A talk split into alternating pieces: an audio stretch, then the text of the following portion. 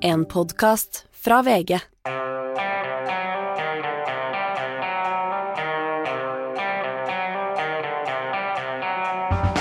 Har justisministerens mobiltelefon vært en portåpner for fremmede makter?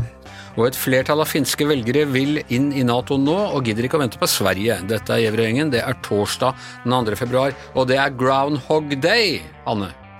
Ja, og det vet jeg en dag du er veldig opptatt av. Jeg har aldri sett den filmen, Anders. Har du bare- ennå ikke sett den filmen? Nei. I du har fjor- invitert andre på kino hjem til men Ja. kanskje du skal invitere meg? Ja, det burde jeg altså. I fjor hadde jeg jo Tone Sofie hjemme på Jeg voksen. opplæ- Ja, dette, mm. Men det må bli neste 2. februar, for, for i kveld så skal jeg noe annet. Og dessuten tenker jeg å se den hvert år. Jeg husker den såpass godt at jeg trenger litt mer eh, avstand. Men har vi en date 2. februar neste år, Da har vi en 2. februar neste år. Da er det Groundhog Day igjen. Med popkorn? Med popcorn? Med popkorn og øh, brus og eventuelt hamburger etterpå. Per Olav, har du sett Groundhog Day? Ja, men for lenge siden. Ja, den, mm. Men jeg har ikke sett den gang på gang. sånn Hele er. poeng, For de andre som stakkarer som ikke har sett den, er altså en film om en dag i Puxavantoni, eh, eh, Pennsylvania, som oppleves Dagen går bare igjen og igjen og igjen. Det er som Nietzsches idé om helvete, den evige gjentagelsen. Det er også en mediefilm, da, en journalistikkfilm. Den handler også om å være journalist, ja, og, og føle på rutinen, for å si det sånn. Einar Otto Stangvik, har, eh, har du sett den?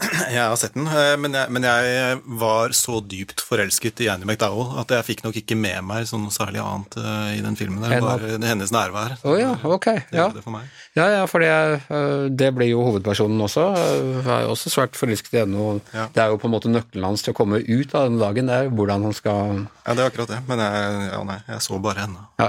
Nei, mye, mye å lære av den filmen. Eh, Einar Otto, du er altså både journalist og sikkerhetssjef eh, her i eh, VG. Og eh, spørre deg aller først, hvorfor er det så alvorlig at eh, justisminister Emilie Enger Mehl har hatt den helt vanlige appen eh, TikTok på mobilen sin? Altså, Alvorlig blir jo et definisjonsspørsmål her, men, men at det er ugreit, eh, det kan man jo trygt si, eh, og, og også unødvendig, eh, vil jeg, vil jeg tilføye. Eh, Det man er redd for, er jo at denne appen skal kunne følge med på hennes bevegelser og spore henne på vis som andre apper ikke nødvendigvis gjør. Tilgjengeliggjøre denne informasjonen for, for kinesiske myndigheter, eh, eller at den skal lekke andre datamengder altså måtte befinne seg på, på denne telefonen her. Ja, for dette er en eh, app som bidrar til det vi kaller big, big data, eh, altså posisjoner, eh, bevegelser, den type ting. Ja, altså En app blant mange sånn sett. Det, det der er jo helt vanlige funksjoner i, i mange av de appene vi bruker. Altså, Google gjør det samme på meg. Google gjør det samme, Facebook gjør det samme, Twitter altså Alle, alle apper gjør i prinsippet det, men her Altså, Vi har jo på en måte valgt i større grad hvem vi er til sengs med, og det er jo da primært eh, USA og, deres følgesvenner, og, ikke da i samme grad Kina. Og, så er det da usikkerhet rundt liksom, om, omstendighetene i eh, liksom, dette selskapet, og hvem det er som har tilgang til deres kode og de dataene som disse systemene akkumulerer. Er det andre kjente, jeg skulle var snakk om noen sånne ansiktsforandre-greier folk holdt på med for et par år siden, hvor du kunne gjøre deg selv gammel? Ja, så sånn, Så er det andre sånne kjente apper man eh, skal være forsiktig med? De, de kan komme og gå altså hele tiden, og du har jo heller ikke noe garanti for at en eh, Altså, du kan ha en amerikansk eid app som den ene dagen er liksom helt husrein, og så neste dagen så er den kjøpt opp av et eller annet selskap et eller annet sted, og, og så de dataene er på avveie. I bunn og grunn så har man jo aldri noen garantier for at de dataene som man ofrer til mobiltelefonen eller apper på den, forblir hos noen som forvalter det på en trygg måte. Man er jo liksom produktet eh, i, i alle appers nåde og alle produsenters nåde hele tiden. Ja, man er ikke kunden, man er produktet. Nettopp. Eh, Jeg vil tro at når man blir justisminister i Norge, så kommer en alvorlig eh, person fra eh, PST og forteller hva du kan gjøre og hva du ikke kan gjøre, hvilke apper du kan ha og hva slags selskaper du kan gå i og, og i det hele tatt. Ja, altså det, er nok mange som er involvert i dette her, da, NSM også selvfølgelig, og, og det finnes liksom generelle retningslinjer, og det finnes mer detaljerte retningslinjer. Nå har jeg sett at NSM har sagt konkret at de ikke har noe spesifikt på, på TikTok, og, og, og det er det jo mange som, som ikke har. Denne saken her er, er litt sånn pussig. Jeg eh, har snakket med flere andre om, om det i dag også, og, og det, det er på en måte todelt. Det, det handler mye om at hun ikke har eh, liksom lagt kortet på bordet, ikke sant? Ja, det er er- derfor, det, det derfor dette har vokst seg stort. ja. Men, men det som er som fra, mitt, fra mitt perspektiv, som teknolog og som, som opptatt av sikkerhet eh, alle ting, så, så er jo dette her mer klinisk og enklere å forholde seg til. For du har noen muligheter som du kan gjøre med som apper på en hvilken som helst telefon. Som jeg, og jeg, jeg føler det er viktig å kommunisere dette her, altså sånn nyansering til det bildet som kommer frem i masse artikler, masse skriverier om det. En ting som jeg har hengt meg opp i, er at man, man sier altså Men hun kan jo spores, altså hennes bevegelser kan spores så lenge dette er installert på tjenestetelefonen. Liksom, men, men da snakker man jo om at hun kunne hatt det på en annen telefon som også kan være med henne, og da kan jo bevegelsen spores på samme måte. Ja. Så jeg syns egentlig det er uinteressant å snakke om de, der, de, de bevegelsesmetadataene og, og stedene telefonen er, og heller forholde det til bare innholdet som kan stjeles, og da blir det bildet ganske mye enklere. For det, det NSM sier, er jo konkret at du skal jo ikke behandle gradert informasjon på telefonen din. Det vil si at så lenge du ikke har liksom, graderte bilder i bildearkivet på telefonen, så er det så godt som ingenting denne appen kan stjele. Nei, annet enn hvor du eventuelt er og sånn, da. Ja, også, men da har du den andre telefonen også, og du har andre apper som kanskje publiserer disse dataene til et amerikansk selskap som selger det ut i den store verden uansett. Så disse dataene kan også være tilgjengelige for kineserne eller andre fremmede makter. Ja, for jeg går med en sånn Fitbit, og den gjør alt mulig rart. Den har om jeg snorker om natta, oksygeninntaket, hjerterytmen, hvor, hvor godt jeg sover. Jeg har meldt meg på en sånn at den skal si fra hvis det er et eller annet uregelmessigheter med hjertet mitt og sånn. Og det er klart at det er interessant hvis jeg hadde vært justisminister eller forsvarsminister eller noe sånt, de helseopplysningene for en, for en fremmed statsmakt, men, men det er greit fordi Fitbit er eid av Google, så da er det bare Joe Biden som får vite det. Ja, ikke sant? Men, men det er jo ikke så enkelt heller, fordi at disse dataene ligger jo da på et eller annet skysystem et eller annet sted i verden, og du har ingen garantier for at ingen, altså, ingen tar seg inn der og tar disse dataene. Så da, da burde man heller snakke om liksom en sånn måten disse sentrale menneskene og stillingene bruker som digitale hjelpemiddel på. Da må vi legge et forbud mot Fitbit, da, et forbud mot fitness tracking, hvis du har en konkret frykt for at disse dataene skal havne på avveie. Ja. Det handler ikke så mye Eller om hvis du akkurat har den en type stilling, tjenestetelefonen. liksom. Ja, så det handler ikke så mye om tjenestetelefon og hvilke apper du bruker der, det handler om hvordan bruker du disse enhetene. Har du graderte dokumenter eller bilder av noe i, i bildearkivet ditt, så er det det som er problemet, ikke appen som ligger på telefonen. En ting er at du ikke skal ha graderte ting, men det er klart det vil være interessant for fremmede makter. Hvem er det Emilie Enger Mehl har kontakt med når? Er det veldig hyppig? Hvem, hvem har hun kontakt med innad i regjeringen? Er det store saker på gang? Og har hun ting i sitt privatliv som noen ikke bør vite om? Så det, er jo, det kan jo ikke bare handle om det graderte materialet som ligger i den telefonen, det må jo være andre ting som også kan være av stor interesse. Ja, det er det, men, men det er ganske begrenset. Eh, Nå har jeg sett på bilder at det er en iPhone hun har løpt rundt med stort sett, og det er ganske begrenset hva slags type data som lekker imellom disse appene. Så sånn kommunikasjonshistorikk, for eksempel, fra Messenger eller Signal for den saks skyld, det har jo ikke kinesiske myndigheter tilgang til fra TikTok på denne telefonen. Det er jo bare Nei, det som de gir tilgang til. Ja, for det er bare det som går via den appen. Ja, det er- hvis du har delt kontaktlista di, hvis du har delt posisjonen din, eller hvis du har delt tilgang til bildearkivet. Det blir man jo spurt om uavlatelig. Ja. Er det greit at den og den tracker bevegelsene dine? Ja. Og da, hvis, hvis man ser bort ifra det, så er det jo disse, disse bevegelsene, at du ser at du er i nærheten av noen, på en måte. Men da, da hjelper det ikke hvis du har det installert på liksom sånn hobbytelefonen din som du har med deg i veska. Da er jo den, da er jo den kilden til den samme informasjonen, den samme lekkasjen. Hva tror du, Hanne? Er dette, er dette utilgivelig naivt av eh, justisministeren, eller er dette eh, bare det man må regne med så lenge man lar eh, ministre ha smarttelefoner?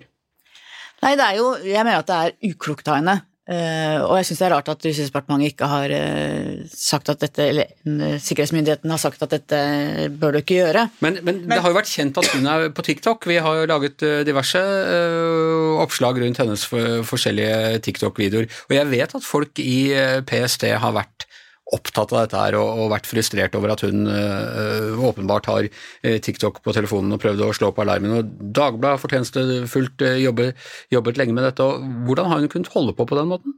Nei, og det, det, nå, Hun har jo fortsatt TikTok, men nå er det på en, en hva skal si, uskyldig eh, telefon. mens hun hadde det på Einar så er ikke det noe særlig forskjell. Men det som er politisk interessant, kanskje aller mest, Anders, det er jo eh, at hun ikke har fortalt med en gang at Dagbladet fortjenestefullt har ligget på dette hele tiden. Og så sier hun nå at jeg har svart så åpent og ærlig som jeg mener det er klokt.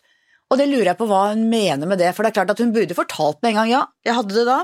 sånn var det. Så igjen er vi i en situasjon hvor cover-upen egentlig er det som kanskje er mest alvorlig for henne. Men kan det bety nettopp dette at hun, altså hun har ikke villet gå ut og si at ja, jeg har den på tjenestetelefonen, for da blir eh, eh, fremmede makter eh, klar over dette?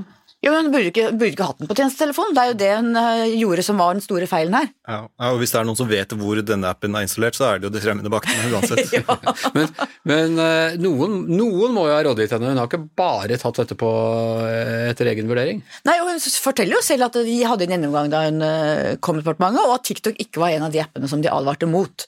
Sånn at i så fall er det mange skyldige her på hvordan det har blitt sånn som det har blitt. Men hun burde jo som justisminister, og med alt som har vært av skriveri rundt TikTok, og dette har vært en problemstilling, at hun da ikke selv skjønner det. Du skal jo bruke skjønn, særlig hvis du er statsråd, og særlig kanskje i Justisdepartementet som har ansvar for hele beredskapen. Husk, hun er den som, hvis det blir krise, terror et eller annet, så er det hun som er leder i det som heter Lederdepartementet. Justisdepartementet er de som skal håndtere nasjonal krise. og Så hun skal sette krisestab og lede Norge gjennom en krise, sånn at det er klart hun bør ha litt eh, eh, awareness, som det heter på nynorsk. da er det hyggelig at kineserne får være med på det. Eh, per Sandberg eh, fra Fremskrittspartiet i sin tid var altså statsråd, dro til eh, Iran, Iran med sin nye eh, sin nye kjæreste og med en mobil, og fikk kjempekritikk eh, Han for måtte det. gå. Hva? Han, Han måtte ja, gå måtte gå av. Eh, er dette eh, en, like alvorlig? Det må nesten Einar Otto svare på. Altså jeg har jo, Etter hans gjennomgang nå, så tenker jeg at det er kanskje mindre At jeg trodde egentlig skal jeg innrømme at den TikTok-en ga inn tilgang til hele mobilen. Eh, og det er klart, når han var i Iran, så hadde jo iranerne da tilgang til veldig mye mer enn en app hos han. sånn at eh, rent substansielt er dette Nå Ja, vet vi at de hadde det, eller? eh? Det er grunn til å tro det. Ja, altså Når du er på telenettet der nede, og sånn, så det er klart de har en helt annen tilgang til det da enn når de befinner seg på et trygt telenett hjemme. Det det. Men- mobiltelefoner er jo ofte sårbare sånn i perioder uansett, så det, dette, her, dette er jo et Skal man være helt trygg, så må man kaste hele greia. ikke sant? Det er, det er et komplisert spørsmål å svare på. Du kan ikke bare si sånn ja og nei. Men jeg, jeg syns ikke at denne saken fra et rent teknisk perspektiv er like alvorlig som Iran-saken. Og veldig oppklarende. Ja, det er vi, er vi glad for. Vi satt og lurte på dette på, akkurat dette på, på morgenmøtet i dag. Eh, ok, vi får se litt hvordan det utvikler seg. Som vi sier, det er jo gjerne the cover-up og hvordan hun har svart. Da har hun eh, feilinformert Stortinget, det antyder jo Erna Solberg i dag. Eh, hun ville ikke brukt akkurat den appen, for å si det sånn. Eh, vi må snakke om litt andre ting også. For idet vi var på vei inn i eh, studio her, så kom det, kom det hva er det heter, push-melding, er det det heter på, på, som vi sier i Follo. Eh, Norges ambassadør er kalt inn på teppet i Ankara. Per Olav, hva vil, hva vil utenriksministeriet i Tyrkia med Norges ambassadør nå? De vil at vi skal eh, forby brenning av Koranen på offentlig sted. Det nå handler de eh, forsøksvis eh, preventivt i Ankara. De Ja. vil hindre at det skal skje. De vil inn og få ambassadøren i, fra Norge til å forandre på norsk grunnlov. Ja, rett og slett. Eh, Det er jo det at det er tillyst eh, noe lignende i Norge som vi har sett i Stockholm tidligere, og nå vil de altså komme dette i forkjøpet da, og be at Norge stanser det. Ja, det vet jo at det ikke kommer til å skje, så, så det er en del av hele den kampanjen til eh, Erdogan om å vise liksom flashe styrke offentlig, vise at jeg, vi lar oss ikke pelle på nesen og så. Ja, og først og fremst for, fordi det er valgkamp i Tyrkia akkurat nå, og Erdogan er hardt presset. Det er mye mer populært å snakke om religiøse, eller mye eh, nyttigere for han å snakke om religiøse symboler enn å snakke om eh, økonomisk krise og demokratisk underskudd hjemme i Tyrkia. Og kanskje særlig akkurat denne kombinasjonen av liksom fornærme religiøse følelser kombinert med en sånn nasjonal stolthet-greie. Da appellerer du både til religiøse og nasjonalistiske velgere, og de er det mange av i Tyrkia. Ja. Eh, og, og han har posisjonert seg godt der eh, nå, det må vi si. Altså, Finland forleden, da der var det også en søknad om å brenne Koranen, og da sa Finland bare nei.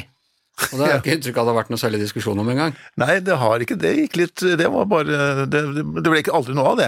Og, eh, så der har det ikke vært eh, noen, eh, noen plass for det eh, til nå. Og eh, jeg er heller ikke den som liker eh, brenning av bøker. Jeg syns det minner om eh, veldig dårlige historiske paralleller, men, men eh, det er en del av ytringsfriheten. og eh, det er klart at Sverige har jo ikke noe mer å gi i forhold til Tyrkia på dette spørsmålet, og det har jo selvsagt heller ikke Norge. Men så vidt jeg vet, så har altså Finland et forbud mot å brenne hellige skrifter. Så de hadde rett og slett lovhjemmel for å si nei, og lovbestemt at de antagelig da måtte si nei, sånn at de er i en helt annen posisjon enn det både Sverige og Norge er, og har kanskje et, eller åpenbart da et svakere vern om ytringsfriheten enn det vi har. Ja, det er, det er litt som om hvis vi fortsatt hadde hatt blasfemiparagrafen, da. Eh, Den var jo operativ helt eh, fram til for 20 år siden, eh, eller noe sånt. Eller ja, om ikke operativ, det var en sovende paragraf, men den har jo blitt brukt flere ganger i, i vår levetid. Ja, og forrige Jens Stoltenberg sin regjering prøvde jo å gjenopplive den, og det ble en kjempestorm hvor de skulle få noen andre formuleringer inn i rasismeparagrafen og ikke krenke religiøse Nettopp. så nettopp. Så de har, de har rett og slett bare ikke kvittet seg øh, med den ennå. Det gir jo interessant altså Man tenker jo liksom Norden og Skandinavia som ganske sånn øh, temmelig like, men det kommer fram en del spesielle forskjeller her, øh, Per Olav? Vi, vi tenker ofte at vi er en nordisk, stor nordisk familie og eh, alle er like, men det er klart det er like store forskjeller vi, i både politiske debatt, kultur og ja, i, i kultur, kulturelle ytringer også mellom Danmark, Sverige, Norge, Finland, Island. Det er, det er klart det er store interne forskjeller der, så det er, det er kanskje ikke grunn til å bli overrasket over at det kan være litt ulik praksis på dette området òg. Det har heller ikke vært vanlig i Norge å drive altså inntil nylig å drive med å brenne religiøse skrifter. Det har jo ikke akkurat vært noen veldig stor aktivitet. Jeg husker. Hedningssamfunnet drev med det på Egertorvet på, på 70-tallet. Ja, det har vært sporadiske tilfeller av det, men det har jo ikke akkurat vært eh, Det nye nå er jo på en måte at eh, en statsleder i et land som Tyrkia på en måte blokkerer eh, noe som handler om sikkerhet i Europa, fordi én person altså bare, Han vil jo nå nærmest ha et slags løfte, en garanti fra Sverige om at de vil forby alle slike ting og gripe inn på alle Hvis en person finner på at man av en eller annen grunn har lyst til å tenne på en religiøs skrift, så, så, så kommer ikke Sverige inn, noen gang inn i Nato. Nei. Og finnene altså, de sier nei til dette med, med lovhjemmel eh, i hånd, og nå vil et flertall av velgerne der inn i Nato uten å vente på Sverige, og de to utenri utenriksministrene fra de to landene, de møtes i Er det i Stockholm de møtes Ja, de møtes, de sitter i møte, eh, mens vi sitter her, så sitter de i møte i Stockholm. De har en pressekonferanse senere i ettermiddag. Det, Ja, hva, hva tror du de snakker om? Er det finnene som sier at eh, er ikke sikker på om vi gidder å vente på dere? Det, er, sier- det er bare ett stort tema ikke sant, på det møtet mellom eh, Marin, eh, Sanna Marin og Kristersson i Sverige, og det er Nato-søknaden og veien Finland videre. her, kunne ikke Finland her virkelig slå et slag for eh, eh, demokrati og ytringsfrihet og sånne ting, og si at det er ikke tale om at vi går inn eh, før Sverige også slippes inn? Ja, og det, jeg, tror det er det, jeg tror det er det Sanne Marin kommer til å si i dag også, at vi, går, vi, vi har hele tiden eh, valgt å gå sammen med Sverige, eh, helt fra i fjor vår eh, og frem til nå, det, den, det, det fortsetter slik. Det har vært litt høyttenkning i Finland om de kanskje skulle gå inn tidligere, men jeg tror de kommer til å stå fast med at de går sammen. Det var jo litt interessant også at Erdogan sa forleden at Det det er annerledes med Finland, og vi kan komme til å forholde oss annerledes med Finland, og da vil Sverige få sjokk. Jeg tror ingen får sjokk lenger, for han har ganske tydelig demonstrert tidligere at det er Sverige som er problemet, ikke finnene. Ja, eh, ja Hanne, altså eh, Er det ikke på tide at vi slutter å, å la Erdogan få sette agendaen? Kan vi ikke bare si ok, da får vi vente. Dette Det er klart at både Sverige og Finland bli forsvart av eh, Nato hvis, eh, hvis Russland helt mot formodning nå skulle begynne å prøve seg. Så kan vi la Erdogan steike i sitt eget fett på, det, på dette her. Vise seg at han er den umulige ungen i Nato. Jeg kan ende med det. Nå venter jo alle på valget i Tyrkia, at kanskje ting vil roe seg etter det. At, da, at han nå som Per er på bruker dette til å piske opp og for å prøve å, å vinne et nytt valg. Eh, samtidig så er det sånn at for Finland er det faktisk veldig viktig å komme inn i Nato. De har jo denne grensen, lange, lange grensen mot Russland. De har historiske erfaringer. Mm. Ja, ikke sant? De har historiske erfaringer som er helt fryktelige. Men Sverige, liksom har ligget litt i midten i sin eh, nøytralitet og der hvor eh, Finland er Nøytralitet i anførselstegn. ja, i anførselstegn. Og der hvor finnene er veldig realister, så er jo svenskene litt sånn romantikere, idealister. sånn at eh, jeg tror nok at Finland har en veldig utålmodighet, samtidig som de, som Per Olav sier, selvfølgelig ønsker å vente på svenskene. Du, eh, det mest originale forslag til løsning på, på denne konflikten i dag, du bare begynner å le, du, det var på Politisk kvarter på NRK. Da var det en fra Miljøpartiet De Grønne eh, som foreslo at Altså han, eh, jeg vet ikke, han trakk seg litt på at det var et forslag, men han mente det var et slags scenario. da. At hele resten av Nato nå nedlegger Nato, og så starter på nytt uten Tyrkia. For det er ikke noe eksklusjonsparagraf, så du kan ikke kaste ut Tyrkia, men da kunne du starte på nytt. altså alle de andre bare ghoster Tyrkia, på en måte, og går ut og bare sier vent litt her, og så går de ut og starter en ny forsvarsallianse. Ja, eh, Det mest overraskende med det forslaget er jo at Politisk kvarter brukte et helt kvarter på å diskutere det i dag, men det ble en god diskusjon. ja, De diskuterte jo andre ting også, da. Ja, det ble en god diskusjon mellom Høyre og Arbeiderpartiet om uh, Ukraina, eller, hvor de var veldig samstemte og enige. Men det er jo et helt natta-forslag Ja. fra denne MDG-representanten. Ja, og vi kan heller ikke kaste ut Tyrkia, for det er, ikke noen eksklusjonsparagraf. Det ikke noen eksklusjonsparagraf. Det fins en sånn eh, konvensjon om konvensjoner-bestemmelse fra Wien, tror jeg, på 50-tallet, som gjør at det er mulig at noen som bryter veldig med traktat, kan, da kan de kastes ut pga. det, men det er litt sånn omveier rundt, og det er jo helt urealistisk å se for seg. Vi, er heller ikke tjent med at Tyrkia blir kasta ut, for da kan de havne i hendene på Russland. Vi trenger dem som en del av vår eh, allianse, og det vi lærer veldig godt gjennom den tida, er at geopolitikk, geografisk plassering, er veldig, betyr veldig mye for sikkerhetspolitikken. Men eh, Per Olav, altså, MDG reiser jo samtidig et eh, viktig spørsmål. Hvor langt er vi villige til å la en alliansepartner gå i retning, og da gjelder jo ikke bare dette her, men i, retning av diktatur? Altså Nato har, Nato har jo eh, formålsparagraf om å opprettholde demokrati og ytringsfrihet og hele 17. mai-talen, eh, men, men eh, hvordan kan vi da sitte og se på at Tyrkia går mot stadig nærmere noe som er et diktatur? Ja, det er jo ikke slik heller at det er første gang Tyrkia er en, et problem i Nato. Det har jo vært veldig mange, har jo dekket Nato en del år, og det har vært veldig mange historier opp gjennom tiden hvor Tyrkia har vært den som har eh, laget krise i Nato, bl.a. blant annet med å kjøpe eh, russisk forsvarsutstyr og sånne ting, og, og, og komme på kant med de andre allierte i sak etter sak. Så, så det er ikke noe helt nytt dette, og vi har sett under Erdogan at det har gått en, eh, i, i en retning, eh, mye mer autoritær retning. Eh, Nå er det jo fortsatt slik at Tyrkia er et land hvor selv om det er begrensninger på, strenge begrensninger på ytringsfriheten og mange problemer internt eh, og mye å påtale med Tyrkia, så er det valg. Det er en mulighet for at denne opposisjonen som nå har samlet seg, fem-seks partier som har samlet seg i en opposisjon, som i hvert fall i sitt fellesprogram har en helt annen agenda for Tyrkia enn det Erdogan har, eh, og på mange måter vil ta landet tilbake til det det var. Jeg husker Tyrkia tidlig på 2000-tallet, reiste dit en del da, snakket, da var da var de i gang med å nærme seg EU. Det, det var en ganske stor entusiasme for det. Um, eh, mange eh, så for seg at Tyrkia skulle bli medlem i, i EU. Um, Tyrkias kurs er ikke lagt en gang for alle. Eh, Det kan komme andre ledere enn Erdogan, og eh, jeg tror vi skal sørge for å holde de inne i alliansen enn så lenge. For et års tid siden så var vi i Ungarn. Da var det også en demokratisk koalisjon som utfordra tyrannen. Gikk ikke så bra. Nei, det, det er også riktig, og eh, Erdogan har jo vunnet alle valg siden, altså i, over 20 år, egentlig, og han er dyktig til dette.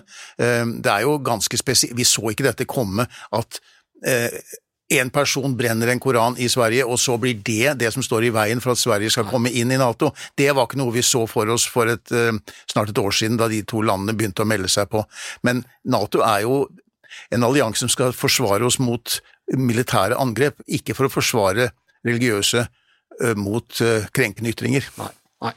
Nei, det er jo en helt vill den eh, situasjonen han derre Pauludan og, og i det hele tatt. Ok, det går mot slutten. I går så, så snakket vi om underledere. Den glemte, eller ikke helt glemte, men uh, uh, tapte sjanger i kommentarjournalistikken. Disse små, morsomme uh, under hovedlederen som skal vise at vi er ikke bare alvorlige, vi kan også drive med litt uh, fleibre kommentarer også. Så ba, vi, ba jeg lytterne om å sende inn, eller legge inn på Facebook-sida vår, forslag til underledere basert på gårsdagens uh, situasjon. Uh, hvor mange svar tror dere vi fikk? Uh, Ja, du visste det. Jeg visste det. okay. jeg sa ikke det, jeg bare viste fingeren. Viste fingrene. Flere Fire, tusen, tror jeg. Flere tusen, ja. Det, Hanne var nok nærmere målet. Okay. For fem var det. Uh, tror jeg. Men uh, tusen takk til dere som har sendt inn. Vi, må, vi må uh, har jo da tid til å nevne alle. Dette, vi må huske på at I går snakket vi om Zalo, prisen på Zalo som gikk så veldig opp. Jonas Gahr Støre sitter trygt før landsmøtet i Ap. Det blir altfor dyrt med oppvask, melder Trond Giske i Nidaros. eh, Sosialdemokratisk. Den var fin, ja. Den var veldig fin. Den, eh, Den hadde kommet på trykk. den hadde kommet rett på trykk. Og det er også eventuelt der. Giske etterspør støtte blant medlemmene i Nidaros sosialdemokratiske forum før oppvask på landsmøtet. En dråpe er nok. Begge de der Ja, de, er, de leverte, de, altså. var uh, veldig gode. Eh, mer Zalo. Vi registrerer at utsalgsprisen på Zalo hos enkelte butikker øker med 43 at en oppvask for hånd vil bli økonomisk utfordrende for både vanlige og uvanlige folk. Med fallende energipriser og fortsatt strømstøtte får vi heller trøste oss med å sette på en ekstra oppvaskmaskin til kvelds. Ja, litt lang. Litt lang, Litt lang. men den kan kuttes ned. Ja, ja. Ja, må strammes litt. Ja, vi må ta en av de der på desken som er så god til å kutte. Eh, vår gamle venn og tidligere spaltist her, Dagfinn Nordbø, har i en kommentar til VG uttaler Stormy Daniels, altså pornostjernen som nå uh, fått Vi uh, kom ikke på noe morsomt der i går, vi. Nei, vi kom ikke på det. Vi gjorde ikke det. Eh, men altså, hun, det er ny eh, bråk for Trump, og han skal ha betalt eh, indirekte henne penger for å ikke uttale seg om deres forhold. I en kommentar til VG uttaler Stormy Daniels si hva dere vil om Trump, men det skjer nok bare én gang i mitt liv at jeg får 130 000 dollar for 40 sekunder. Han er litt grov, han er litt sånn uh, Ja, i jeg er ikke sikker på om jeg hadde satt den på Du er ikke sikker på om du hadde altså. godtatt den? Nei, ja. men uh, den var jo ikke umorsom. Nei, den var ikke umorsom. Nei. Eh, energikommisjonen vil ha eh, mer av alt fortere, bortsett fra flere velgere til Arbeiderpartiet. Ja, Den er jo veldig sann. Ja, den er også ganske bra. Ja. Ja, nei, eh, noen av dere som brenner inne med en underleder til i morgen? Nei. Kan bruke den jeg tok allerede med at hun ville ikke brukt akkurat den appen på Erna Solberg. Passe moro, ikke så veldig morsom. Eh, ok, eh, med det så er Gjever og gjengen over for i dag. Eh, Tusen takk til Einar Otto Stangvik, tusen takk til Hanne Skartveit, tusen takk til Per Olav Ødegaard. Jeg heter Anders Gjever, og mannen som eh, sørger for at du får denne podkasten inn i mobilen, og gud veit hva den finner på inni der, er som vanlig Magna Antonsen.